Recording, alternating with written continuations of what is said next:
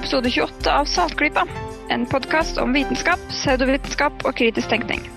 Dette er den 10. oktober 2011. Jeg heter Lisha, og med meg har jeg Gunnar, Hei, hei. Marit God dag, god dag. og Bendik. Altså, jeg må spørre dere alle sammen. Har noen av dere noen gang spilt kattebowling? Kjenner dere til den sporten? Eh, ikk- jo, jo jeg, jeg har ikke spilt det, men jeg kjenner til det. Eh, nesten. Jeg har sett eh, laser cat bowling. Ja. Eh, Jeg så noen sånne videoer også denne uken her, og da lurte jeg på Vi, Vi- vi må vet du jo ikke forklare hva det er først? Ja, for det- alle som ikke har spilt det. Det er nok lurt. Eh, Kattebowling er hvis du har en huskatt og en laserpeker. Du setter opp ti eh, plastglass, som i en bowlingbane. Og så kan man, hvis man vil, legge et eh, håndkle eller noe lignende foran glassglassene. Og så bruker du laserpekeren din, og katten vil da, Det det er helt klart fordelaktig med håndkle.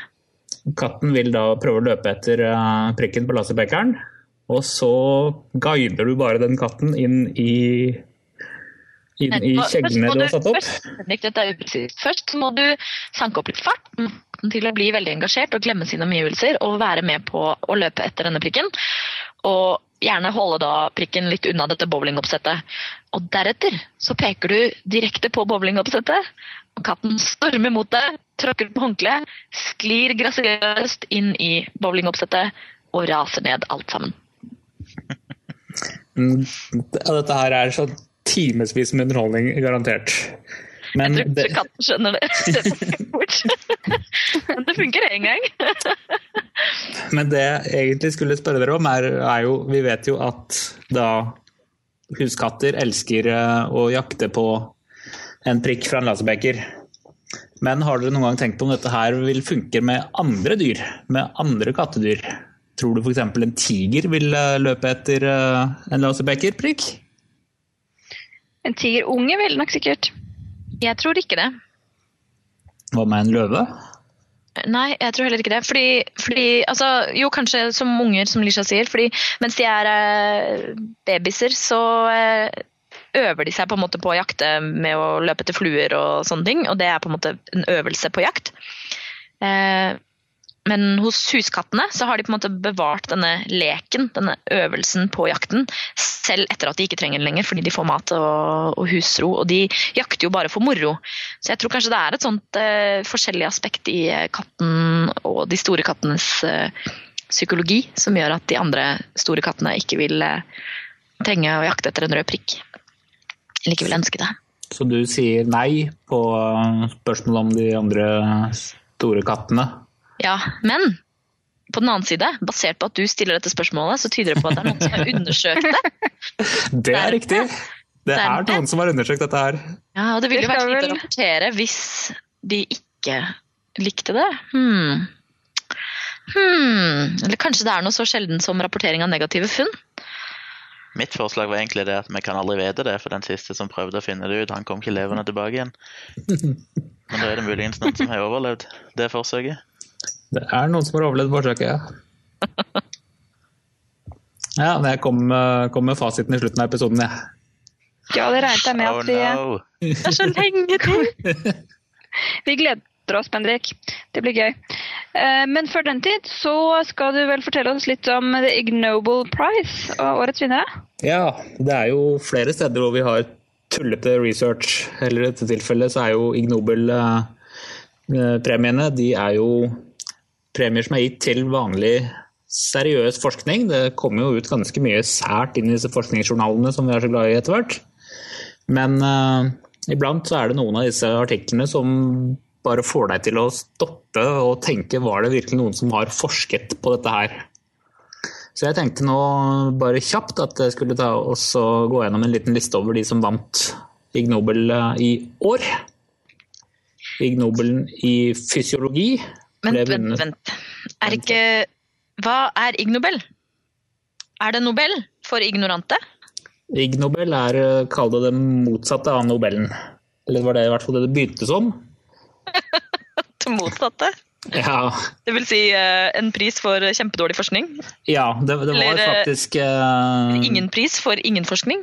når, når Ig Nobel begynte, så var det sånn ja, vi gir George Bush fredsprisen, bare ironisk.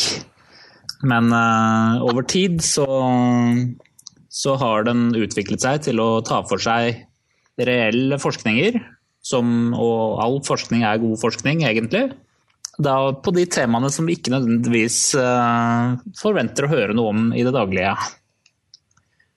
For eksempel, bare for å ta da årets uh, fysiologipris, den gikk til et forskerteam fra, som var samarbeiding hel, gjennom hele Europa, nesten.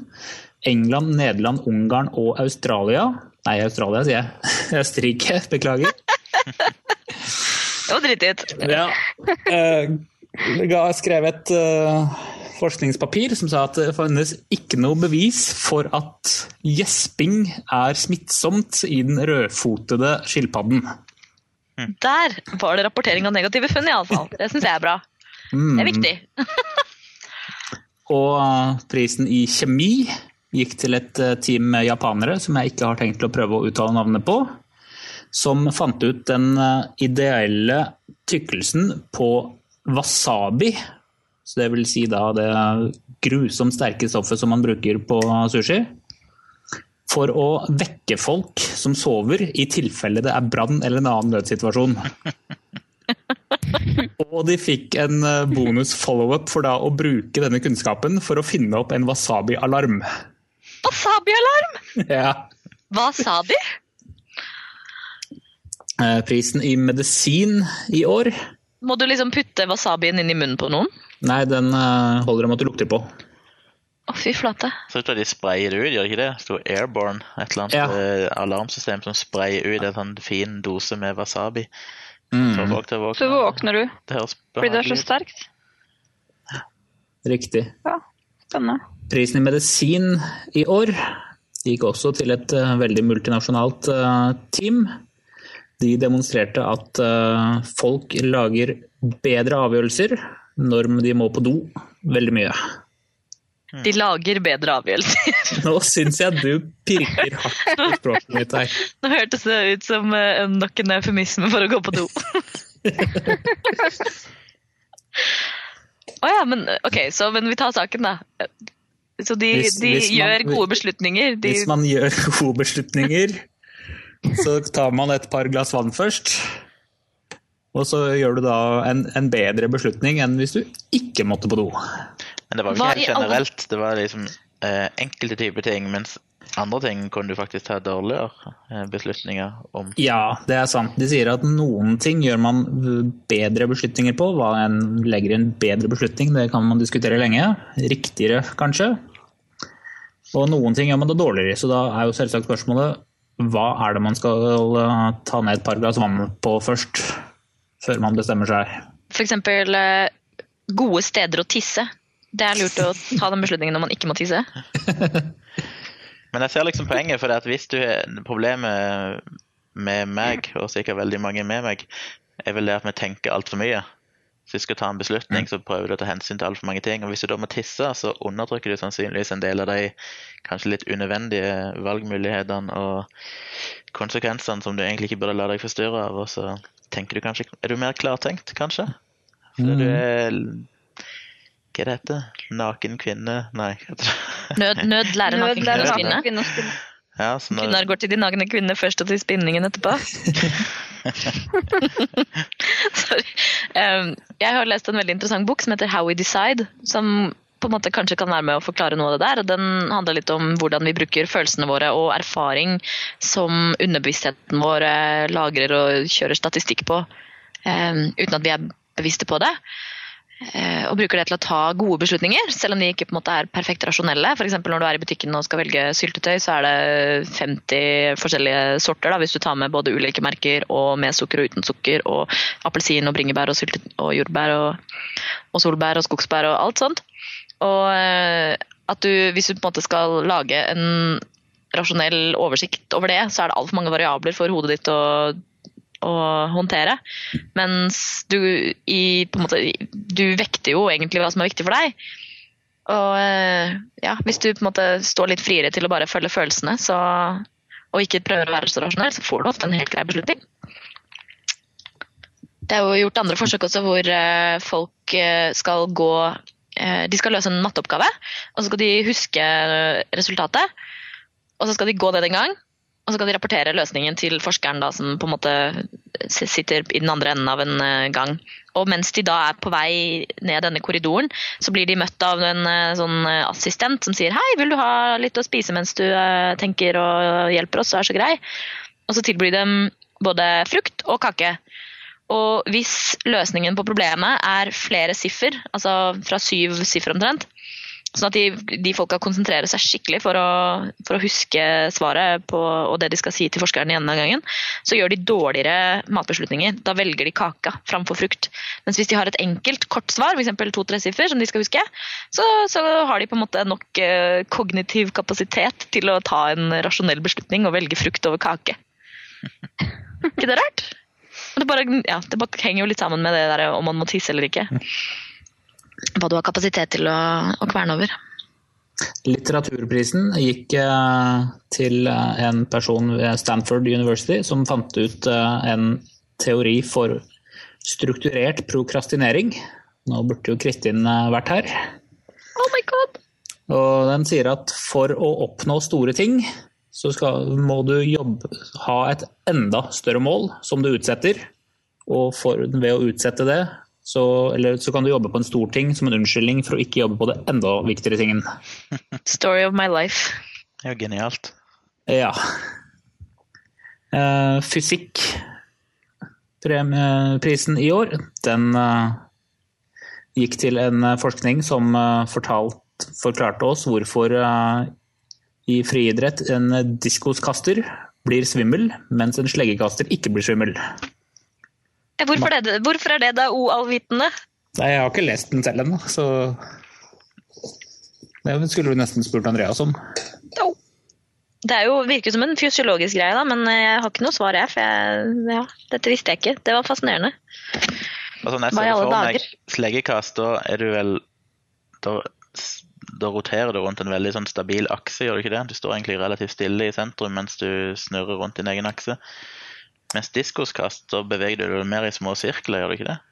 Ja, ut, uten å ha lest artikkelen selv, så kan jeg ha mistanke om at det har noe med sen- senterpunktet ditt å gjøre. Pluss hvor du er blikket festet når du kaster slegger, så ser du på en måte ut mot slegger, mens når du kaster diskos, så ser du kanskje nedover eller innover eller et eller annet sånt. Jeg vet ikke. Matteprisen gikk til en hel eh, bråte med folk som alle har spådd verdens undergang. For å lære oss at eh, For å lære verden å være litt forsiktig når man eh, bruker matte til eh, å komme med antakelser og beregninger. Så bra. Den hørtes ut som en rapport etter vårt hjerte. En, en av de er jo kjent. Ja.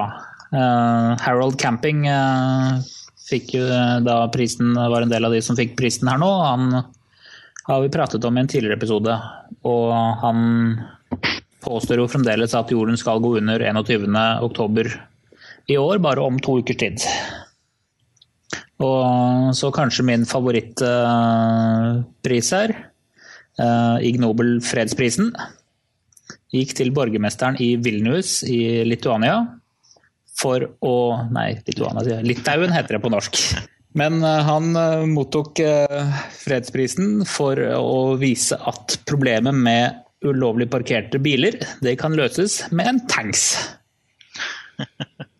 Ved å bare kjøre over de. Det var vel en nyhetssak for ikke så lenge siden, men var ikke det et eller annet det var, var ikke det noe fake greie? Et eller annet reklame? Nei, den er- eller? Den er helt ekte. Hmm.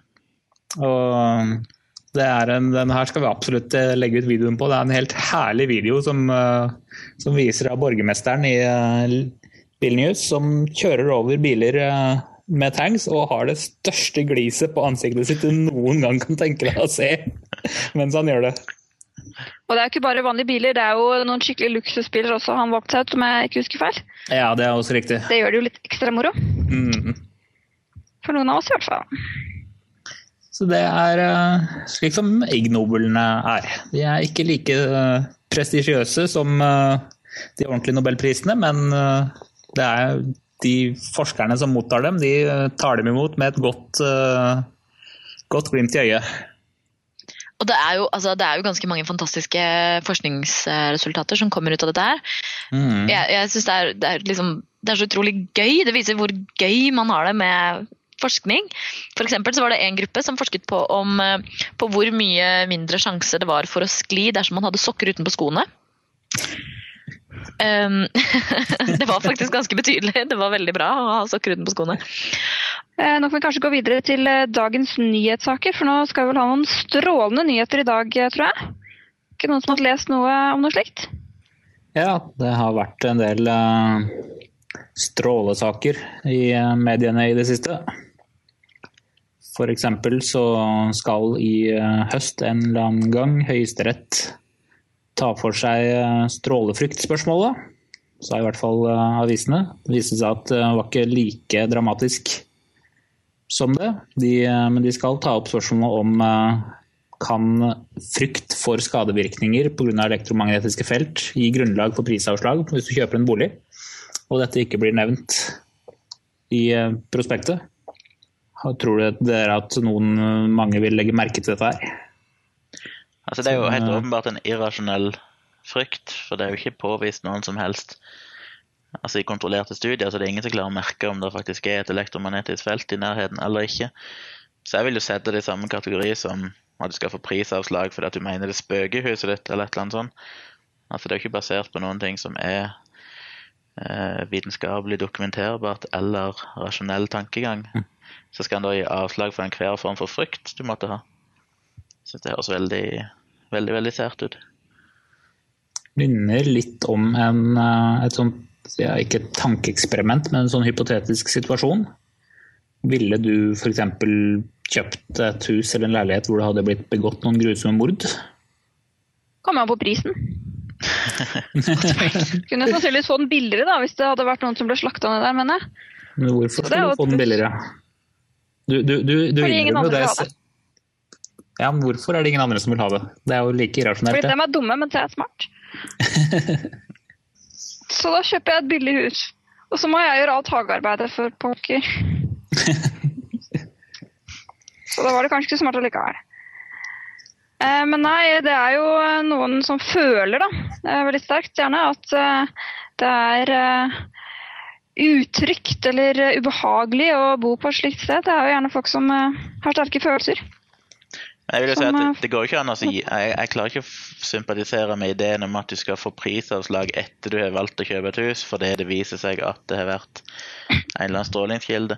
Men det er jo noe helt annet det som for så vidt Bendik snakker om, at eh, markedet i seg selv kan jo redusere prisen ved at interessen blir mindre hvis den type vrangforestillinger brer seg i samfunnet, som det vel for så vidt allerede har gjort. Så hvis, du ikke, hvis det er et hus der noen er blitt myrda, så er det klart at prisen på det huset gjerne vil være lavere, kanskje. Og det samme kan jo skje med stråling, og det kan en ikke gjøre noen ting med, for det er jo en slags markedskrefter som avgjør det. Men har du først kjøpt huset, så er det ganske drøyt å ville kreve avslag, for at det, da er det bare en sånn personlig greie. Du har ikke noe som markedet avgjør. En annen eh, strålerelatert sak her er en eh, historie fra i sommer fra Stryn. Hvor det var et hotell der som eh, sa opp eh, avtalen sin med Telenor om å ha en mobil basestasjon på eh, tomta si. Og det førte da til at det ikke ble noen mobildekning i området der. Og dette hadde jo da den bieffekten at skianlegget i nærheten der måtte stenge, fordi der trengte de mobiltelefoner for eh, nødanrop og sikkerhet. Manglende mobildekning i, sånt, eh, i en sånn situasjon kan jo ha ganske harde konsekvenser. Ja, Det minner meg jo litt om den ideen om at det er veldig lett å være motstander av moderne teknologi og f.eks. mobilstråling, så lenge du ikke blir rammet av det sjøl. Men når du plutselig begynner å tenke på hva ville konsekvensen vært om vi faktisk Hvis alle skulle eh, oppføre seg sånn, holdt jeg på å si, at vi skulle begynne å fjerne mobilmaster overalt, så tror jeg nok faktisk til og med de som er litt skeptiske, ville savne å ha mobildekning der som de er vant med å ha mobildekning. Så Det er jo en form for egoisme de kanskje ikke tenker konsekvensene av. Det er jo interessant å se hva han sier, han eh, sjefen for dette hotellet, som vil, eh, som vil lansere hotellet sitt som, eller markedsføre hotellet sitt som 100% strålingsfritt.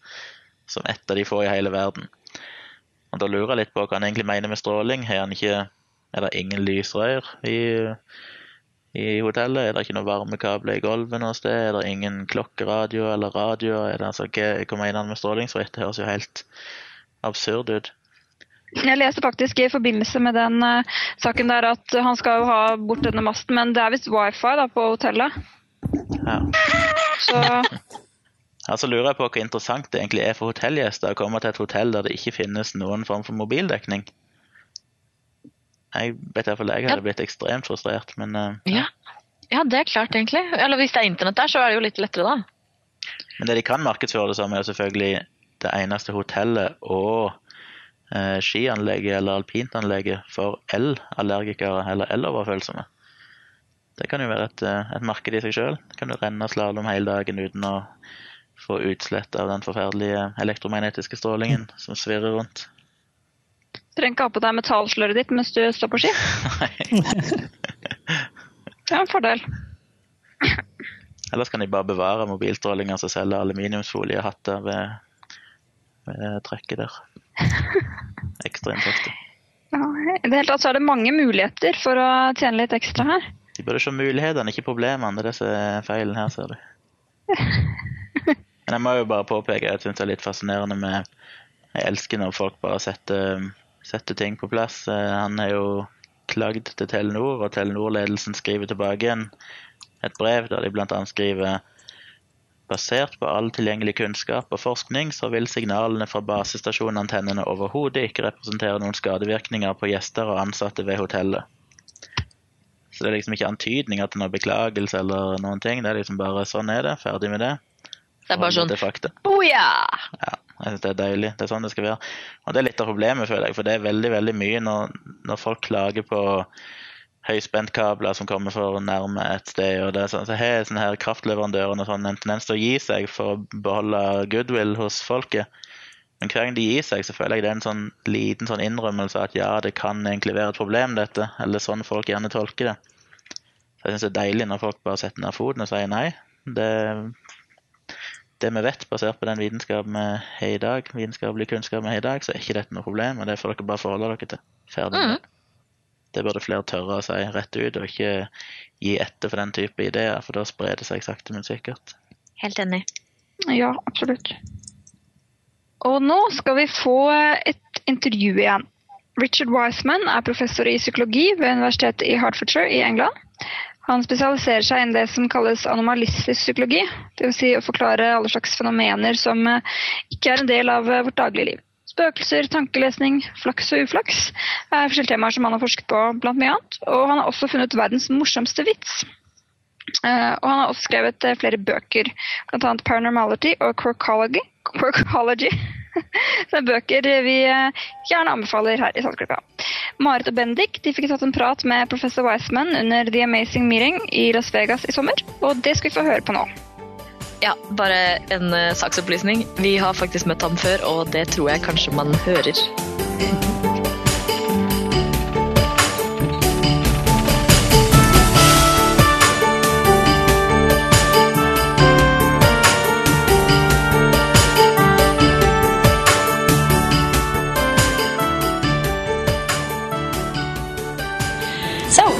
Here at TAM with Richard Wiseman. Hello. Hello. I was going to instruct you to say hello, but you just said hello. Hello. I've said it Feeling a three bit times tired? now. Uh, I'm a little bit tired. Uh, this is, uh, I guess, about three in the morning for me, and it's been it was a 12-hour flight. Um, but I'm very excited to be here. There's lots of people upstairs, all very excited about being skeptics, so it's it's good. And all very excited to see you, I bet. Some of them are excited to see me. Um, they need to get out more, but the uh, the rest of them, uh, it's good. Yeah. us then. No, you're different. You're different We're because very I, excited to see you. I, I, I, I, and, and you have a very jaunty hat on as well. It's a very you, lovely thank you. hat. Yes, people. I spent several days in New York City looking for it. It's a it's a good hat. Yes, if I was going to have a hat, I'd have a hat like that. There you go. There we go. Does it Looks work? very nice. Yeah, That reminds me, I should take some pictures. got a bigger head than me. Um, for those who uh, don't know, just in, for a little bit of context, you write a lot of books, and you're a psychology professor, and uh, and we thought we maybe would start with a description of you from Amazon. Right. Um, I'll give you your hat back before you do that. Oh, yeah. Lovely as it was. It was keeping my head quite warm, actually. It's nice. uh, Wiseman is a magician and a trickster, and his account in this book of experiments, this is referring to paranormality, Right. uh, which is the latest book, with my dog JT are outrageously misleading, and some would say dishonest. I'm not the first to point out his misleading versions of other people's work, which he trashes through the media using smoke and mirrors to misdirect attention. Yeah. It's one of my biggest fans. I wish my mother wouldn't go on Amazon like that because, quite frankly, it's getting annoying now. Um, so, uh, yes, as you might have worked out from that review, uh, not everybody likes the new book. Uh, in fact, some people loathe it. Yeah. There's another one that says Wiseman makes me wretch. Um, that, that's my actually my favourite review on there. Yeah, it's, it's gone well. Short and to the point. Exactly, exactly. Yes, and, and justifiable. Yeah. Well, uh, I thought maybe we could talk a little bit more about the situation that led up to that review. Um, Let's dwell on success, why don't we? Yes. yeah. the um, so the story is that there is a dog that uh, allegedly could sense when his owner was returning. Yeah. And uh, uh, he would wait by the window when this was happening. And maybe you could talk a little bit about your investigation of that. Yeah, that was JT, the psychic terrier. He was a terrier dog. And um, we were on a show, I mean, many, many years ago, far too many years ago, where an Austrian TV crew had done this experiment where they'd taken JT's owner away, recorded JT, and when, when the owner was coming back, JT was at the window, and this was seen as evidence of, of psychic ability. And I was on the show, and I said, it's not evidence because we don't know what JT was doing the rest of the time. So uh, my then uh, research assistant, Matthew Smith, and I went up and investigated JT, and when we recorded the rest of his behaviour, he was constantly at the windows there about 13 times over the course of two hours. So we wrote this up, saying that we are sceptical of this particular claim. And then Rupert Sheldrake, um, parapsychologist, was doing his own work with JT and used a different uh, sort of claim and different way of anal- analysing the data and thinks that JT is psychic. And so the two of us have gone back and forth over this fascinating and groundbreaking issue. And if people have problems sleeping, all of that is on the web. They can they can read our correspondence on it. uh, and then in the book, uh, I wrote up uh, just very quick. It's at the beginning of the book, actually, just sort of to get into it, just kind of like the uh, the experiences with JT, and that upset quite a few people. Well, not not JT himself though. JT the psychic dog, I think, is dead. Um, but even if he wasn't, uh, he seemed to be fine about the whole thing. He's a remarkably open-minded uh, dog. That's wonderful. So we loved, uh, we of course loved paranormality, Thank you. and we were very well. What's the proper word? Amused to hear your problems getting it published here in America. Yes, I'm glad it amused someone. Uh, it didn't amuse me. It was it was terrible. It was terrible because I wrote this book, and um, all my other books have been published in, in America and lots of other places. And with Paranormality, uh, it was published in I think it will be published about 20 different languages.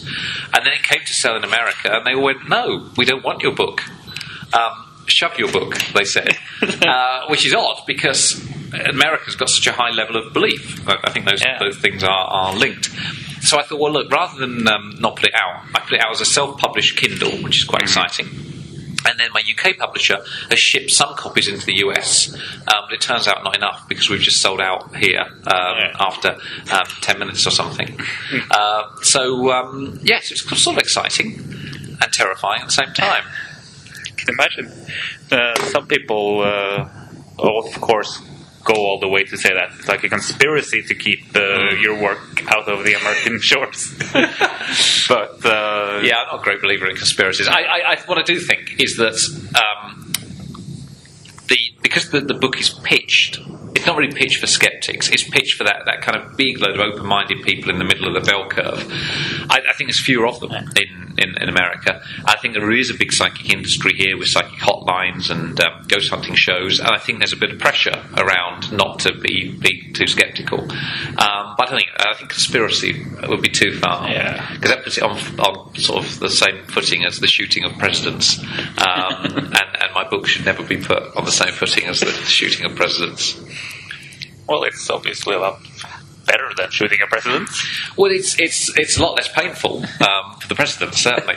uh, so um, yes, yeah, I'm kind of surprised to hear you say that it's pitched towards the middle because, like, even on the sleeve it says that paranormal phenomena don't exist. Yes. Just like that. There's like no Yeah. easing of the no, interest. No, we had this because we thought we'd get too many returns of the book if we say, "Oh, it might be true," and then they read it. It's just this debunking. No, the um, so the premise for each chapter is really none of this stuff is true. Out of body experiences don't exist, and psychics aren't psychic. So, why do people believe that? Why do they have these experiences? What does it tell us about our brains? So, yeah, I, I can remember writing that opening sentence or not uh, opening blur, um, which is basically says this stuff isn't true. Bang, straight out there. Um, I think that's sort of refreshing in its way, rather than dancing around. Yeah, it is. I I don't see that very often, really. Um, just unequivocally stating this is not here. It needs to be done. Yeah. Yeah, yeah. Although, if you want to get a book published in America, it's probably not such a good idea. It turns out. Um, yeah, I should have said this stuff is true, and then just not told them what was in the book. Uh, that would that have been a lot more effective. Yeah. There's so many good examples and, and great stories in that book. I mean, I love how it's just sort of all this uncovering. It sort of sort of feels like you're leafing through old newspapers and just finding all these great stories. It, well, it, it genuinely is about 20 years I've been in the field, and I've just chosen all the stuff that makes me laugh um, and, and put it all together in one book. And also my own investigations in there. And what's great with technology now is you can link to my sort of archive research footage, or you can put longer interviews on. Um, so Sue Blackmore, who's, who's um, yeah, there's a chapter on her work on out of body experiences, you can click on the link and go to a 20 minute interview with her. And that just sort of wasn't really doable within a book even five years ago. So it's all very exciting. Yeah, it is. It's wonderful. Um, we thought we would also just uh, talk very briefly about your previous book, 59 Seconds. Oh, yes. more on the Yes. health industry. It does. So, uh, could you give us a brief intro on that? Yeah, 59, um, as it's known in the trade, uh, well, in my head. Uh, they've always- been shortened, you see. So, so Luck Factor was shortened to Luck. Um, Quirkology was Quirk. That became 59. Paranormality uh, became not published in America. uh, so, um, uh, 59 is, takes a sort of skeptical look at self help. It says that the only people that are being helped are the, the publishers a lot of the time um, of these self help books, and says you've got to watch it because if you're going to follow this advice, make certain the advice is accurate, and a lot of the time it isn't. So, it, it looks at different areas like happiness and persuasion and uh, motivation, and says what, what really does work, where, where there is evidence, and, and offers quick techniques for that. That's 59 seconds. It was going to be called 59 seconds. in 59 It was going to be called 60 seconds. I hated 60 seconds, but I couldn't come up with a better title. and I was talking to one of my editors, and I said it's all less than a minute. And I said, so technically it's 59 seconds, not 60. And he went, that's a good title for the book. And I went, yes, it is. All the books, all the titles have always come from weird places. Um, Quirkology came from talking to Michael Shermer, who said, You do quirky psychology. You should come up with a name for that. I said, It's Quirkology. he went, That's very good. You should do a book. I said, Thank you, Michael. And Saying that, make it quite clear, he gets none of the money. Not, he does not get a cent. Nothing. If you buy that book, it's all coming to me. Very good. Good to know. Yeah. Yes, we wouldn't want to be supporting the wrong people. Exactly. Hmm. And he gave me the title. Yeah. Well, moving on to Quirkology then, which, which is also a uh, very fun and enjoyable book and very like lighthearted and, and full of curious things. Um, how did you? Yeah, was that maybe how you came up with the whole idea for the? Yeah, I think I was driving along with Michael in in, uh, in on the west coast. I think I'd given the Caltech lecture that he'd kindly organised, and Freakonomics had, had done very well. And of course, you've got Freak and uh, economics, put them together. And he said you should do one on quirky psychology. Um, and at that time, I mean, there's trends that happen in, in publishing. So at that time, single title, uh, single word titles were very, very popular. And they, they stayed popular for a while. So you've got Nudge and, and things like that. Um, and uh, Bounce. Outliers. Outliers, Blink. Um, they, they, they all count. Now those single titles uh, are going to vanish because they're, they're, they're not, they're not so popular. Um, so these little trends happen and little micro trends. And you try and sort of ride the wave a bit. But that's, that's where Quirkology came from. What's your uh, favorite bit of quirky psychology? I think I like it all. I'm trying to think. Every single study I like. I know, I know. My favourite, my favourite one I think is the priests who are giving the sermon on the Good Samaritan, and then walk down the street and there's a homeless person in need, and every single priest walks past the person in need, even though they've just given a sermon on the importance of being a Good Samaritan. That makes me laugh every time I read it. It kind of makes me cry. I think I'll laugh as well. no, I think yeah, I think sort of. I remember coming across that. Um, that was quite funny. Yeah, that was actually reported in a major Norwegian newspaper. Oh, Um, yeah, it was a great article in uh, Magasinet. right. Uh-huh. There we are. They weren't Norwegian uh, priests. No, not American. I don't know where they were from. Yeah. You know. I think it was- I think it's America. I. Uh, but it was at least about your research and, and Oh, right. you were Okay. mentioned in it. Right. I didn't say Norwegian research in my. Um, a Norwegian psychologists need to do more quirky work. Yeah. That's what I think. Yeah. There should be a campaign Yes. led by you two. We're Well, up for it. Yeah. Started Yeah. right now. You should be with placards outside universities. More More, quirk- quirky work, like that. more quirky work. Could we do more quirk work? More quirk work. Yes, if that works. Yes. Yeah. I particularly also liked uh, a piece of your research which came out just a couple of months ago about wine tasting.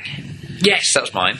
Uh, oh, that upset people. Oh, yeah. That oh, oh, that was a bit of a paranormality moment. So I, yeah, so I did this study. We did for Edinburgh Science Festival, which is a very straightforward study. We had expensive wine and cheap wine. We said, come and taste some of our wine, and then just tell us whether you think it's cheap or expensive.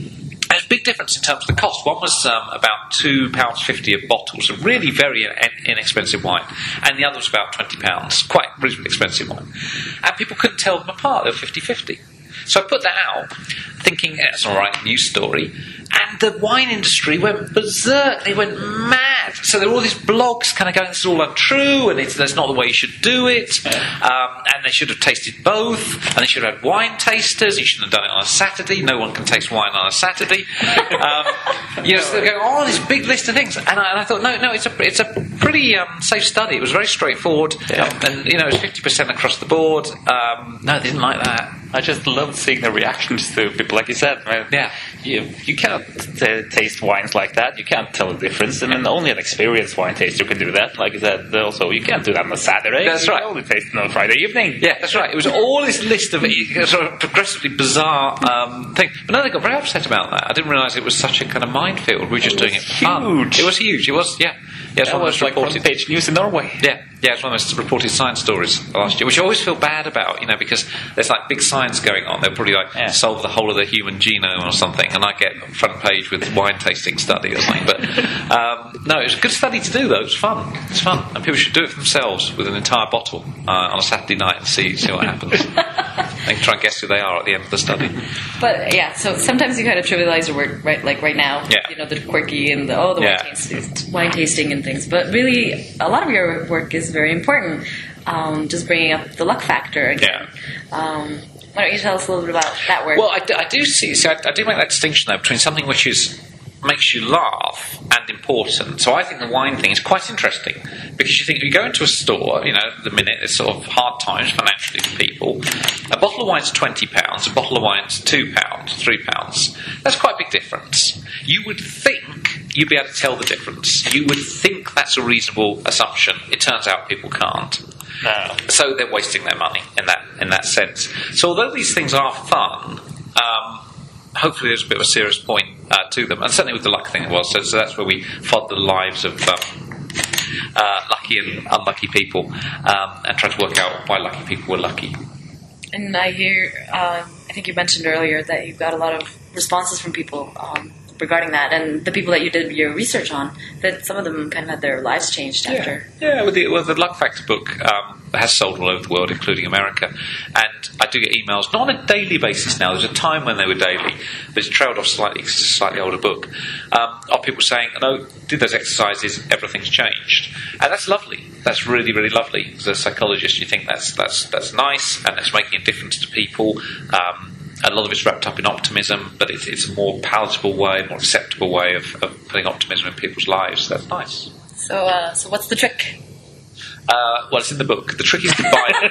the trick is to buy the book, uh, which you can in Norway. Uh, it's out, uh, I'm sure. Um, and uh, you buy the book and read it, and do all the exercises, and it will change your life. If not, um, go and ask Michael Sherman. And he'll give you the money back uh, for the. Uh, he's very giving. It's very kind of him. All right. Yeah. Also, you have another book uh, that you are writing currently, isn't that right? I do. Yes, secret book, but yes. It's secret. Yep. Oh, all right. Yeah. Can we still ask you about it? You can, but I can't say very much about it. So it's, it's gone um, it's gone disastrously wrong. so really? so uh, it's a uh, I worked for about a month on a book, and then I got up one morning. I thought this book isn't working. A month is a long time to be working all, all the time. I got up. I thought it's not working. And the thing about books is that obviously they, they they absorb your entire life for about six months, and then you have to go around promoting them, which is at least another six months. So unless you have that real sense of genuine energy about it, it's awful. It's terrible. So I, I woke up and I thought, you know, I don't have that sense of energy. I don't feel like I'm bringing anything to the party here. So I called an emergency meeting because I had another idea for a book, and um, everyone's been persuaded to go with my other idea, which is also secret, and it will be finished in December. So I'm on now an incredibly tight schedule. So I've cancelled all speaking. In fact, this is the only speaking I'm doing. Not not not this right now. Obviously, I'm speaking now. But Tam uh, is the only speaking event I'm doing uh, between now and December. Cancelled everything else. Wow. Yeah. That's commitment. Can we That's guess a contract. What, can we guess what the topic is? You could have a go, but the chances of you guessing it would be slimmer than Slim itself. Or is it about s- purple space monkeys? It's very close. It's very, very close to You see, I know you. That's remarkable. It's the psychology of purple space monkeys. What about maybe monkeys? Monkeys, got with- monkeys. Yeah, yeah, lots of monkeys. Monkeys. Yeah, Psychology. Monkey cowboys riding dogs. It's actually uh, see. I would like to write a book of monkey cowboys uh, riding dogs, but I think the, the it's a very niche audience, and it's mainly dogs that would be interested in that, uh, with a few monkeys, and they're not big book buyers, and none of them have got Kindle because their paws. They, they, it's not meant for animals. I noticed that the other day. I saw a, a monkey in a zoo trying to use a Kindle, and he was just hitting it like a sort of bongo. It was horrible to see. And the ended um, up downloading. Um, well, uh, end up downloading Planet of the Apes um, by mistake.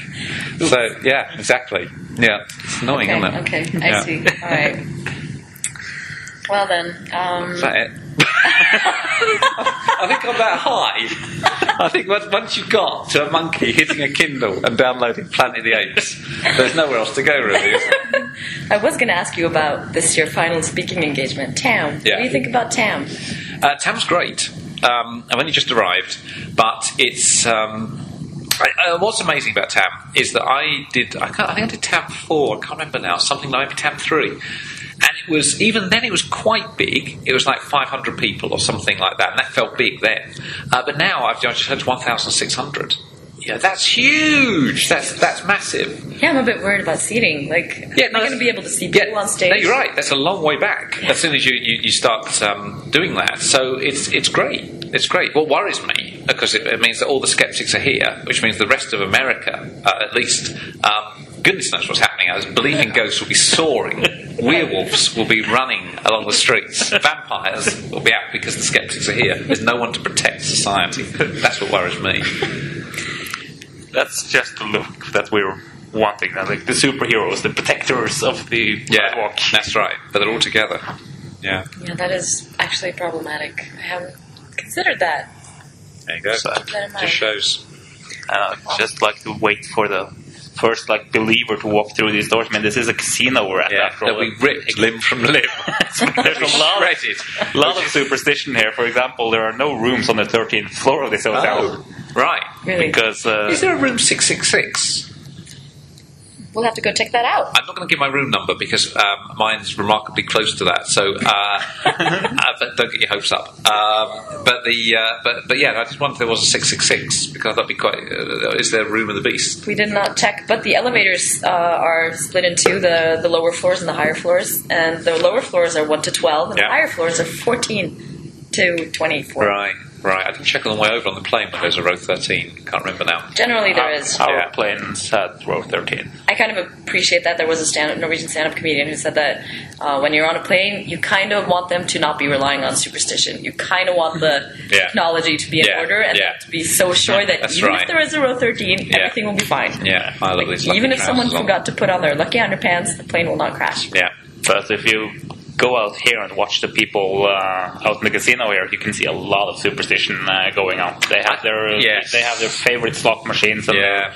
routines that they have to do uh, in order to guarantee a win. And Well, it feels a bit like obsessive compulsive disorder out there. I've got to, got to say, I mean, I, I don't get quite get the attraction of it. I get the attraction of the social side, like craps, which I don't understand the game actually, but they all stand around the table cheering, and it all seems to be rather fun. But then you see, there's a lot of people on their own out there, uh, just sort of putting in the Sitting money. there in their like despondent little world, Yeah. and you can see that they're not getting any joy or No. uh, excitement from this. They're just No.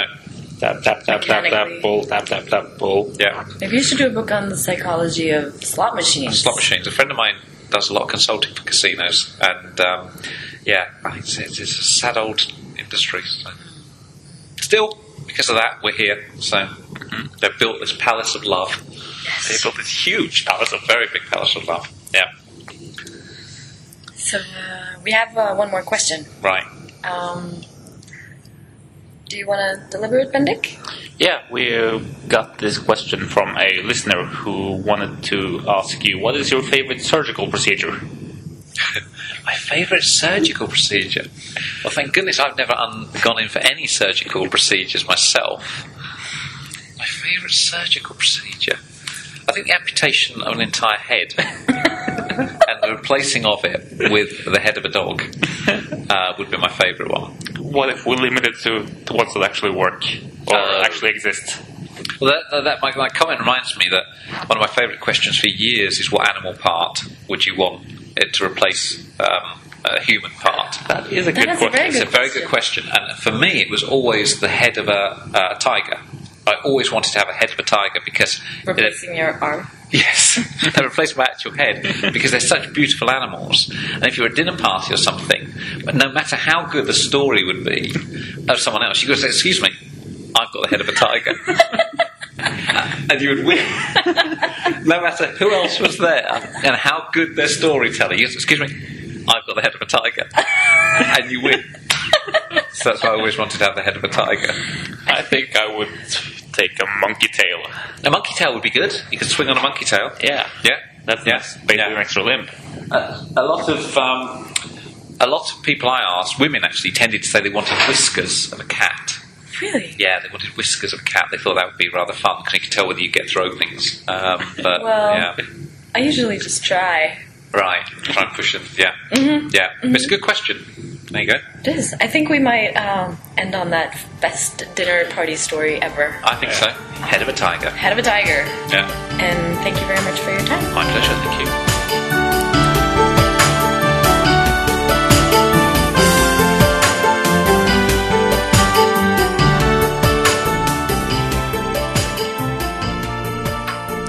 Ja, jeg elsker han kisen der. Han er, han er så søt og sjarmerende og morsom. Og jeg vil bare si, Da vi drev og tok bilder av han, så eh, stoppet han hele tiden. Jeg prøvde liksom å ta bilder av han mens han snakket, for at det skulle være levende, morsomme bilder. Og da stoppet han liksom midt i setningen og poserte akkurat som at han snakket. Men han sto stille i sånn 30 sekunder, sånn at jeg kunne ta bilde av han mens han bevegde seg. Ikke bevegde seg, men så ut som han bevegde seg. Veldig søt. Så var det ukens anbefaling. Bendik, du vil visst gjerne gjenta noe som vi har nevnt før? Ja, jeg er fremdeles en veldig stor fan av eh, TV-serien Siffer, som eh, går på NRK. As are we all. Ja. Eller So say we all, som det heter. Vi eh, anbefaler alle at de tar en tur på NRKs nettsider og ser på Siffer i nett-TV-arkivet deres der. Dette er kvalitets-TV. Og ikke minst så er episode to akkurat blitt utilgjengelig for dere. Den hadde sin siste dag eh, på TV, unnskyld, på NRK nett-TV i dag når vi tar opp. Men eh, episode tre, fire, fem og seks er fortsatt ute! Woohoo! Ja, fire især var uh, veldig relevant for uh, alle temaer som vi uh, liker godt her i Saltklypa. Men vi skal ikke si hva den handler om. Nei, det må folk få se selv. Eh, Gunnar, du hadde et litt viktig poeng å nevne som en anbefaling. Ja, jeg har en anbefaling eh, som går ut til hele det norske folk. For det at som eh, vi har snakka ja, Vi har vel nevnt det kanskje tidligere, det husker jeg ikke. Jeg skrev litt om det i bloggen. Eh, men det er ganske viktig, syns jeg, det er dette her med bl.a. Eh, sykdommen kikhoste, som alle stort sett blir vaksinert for som barn. Eh, og veldig mange tenker at er de blitt vaksinert som barn, så er de vaksinert for livet, men den har en relativt begrensa varighet. Og kikhoste har ikke vært noe stort problem i Norge i de siste tiårene, men akkurat de siste årene så har de begynt å komme litt tilbake igjen. Og jeg kjenner personlig flere som faktisk har hatt kikhoste, og det er ikke noen spesiell behagelig opplevelse. Det kalles vel òg for eh, hundredagershosten, for du hoster gjerne i tre måneder daglig til du nesten kaster opp. Og det er ikke noe spesielt behagelig. Så jeg vil rett og slett anbefale, som jeg sjøl har gjort i dag, gått til legen. Spør om du kan få en boosterdose av kikhostevaksinen, rett og slett for å friske den opp igjen og sørge for at du både ikke blir syk sjøl, og at du selvfølgelig heller ikke da enkelt smitter andre mennesker som kanskje er enda mer sårbare enn det du sjøl er. Så min anbefaling er å gå til legen din, eller neste gang du er hos legen, spør om du kan få en eh, oppfrisking av eh, kikhostevaksinen. Det høres jo flott ut. Jeg vil gjerne anbefale pistasjenøtter, for det syns jeg er godt. Og da vil jeg anbefale klementiner, for det er klementinsesong, og ingenting gjør deg mer lykkelig enn en pose med klementiner. Da vil jeg anbefale Gunnars anbefaling. Nå er jeg forvirret. Jeg tror vi runder av der, jeg. Ja, det var jo noen både sunne og smakfulle anbefalinger. Men Bendik, nå venter vi i spenning på å vite hvilke kattedyr det er som vil leke med laserpeker. Ja, det, det varierer faktisk litt fra, fra rase til rase. Og som Marit postulerte, så varierer det også litt innenfor eh, rasen. Kan godt hende det er eh, aldersbestemt. Men Men en, muligens art, da, vil jeg bare påpeke. men en uh, leopard vil veldig gjerne jakte på prikken. Riktignok ikke like aggressivt som en huskatt, men han jakter etter den. En panter blir redd for prikken og vil komme seg vekk fra den. Løver blir aggressive, men løper ikke etter prikken, men løper faktisk etter eh, han som holder laserpekeren. Og tigeren bryr seg ikke i det hele tatt. Ja, det var det vi hadde for denne gangen. Eh, Så håper dere har hatt det like morsomt som vi har hatt det denne episoden. Eh, Ha det bra, folkens. Ha det. Ha det er godt alle sammen.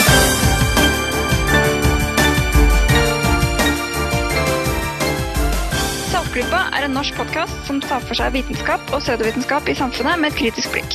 Podkasten produseres og drives på frivillig basis, helt uavhengig av noen organisasjon. Vi vil gjerne høre fra deg.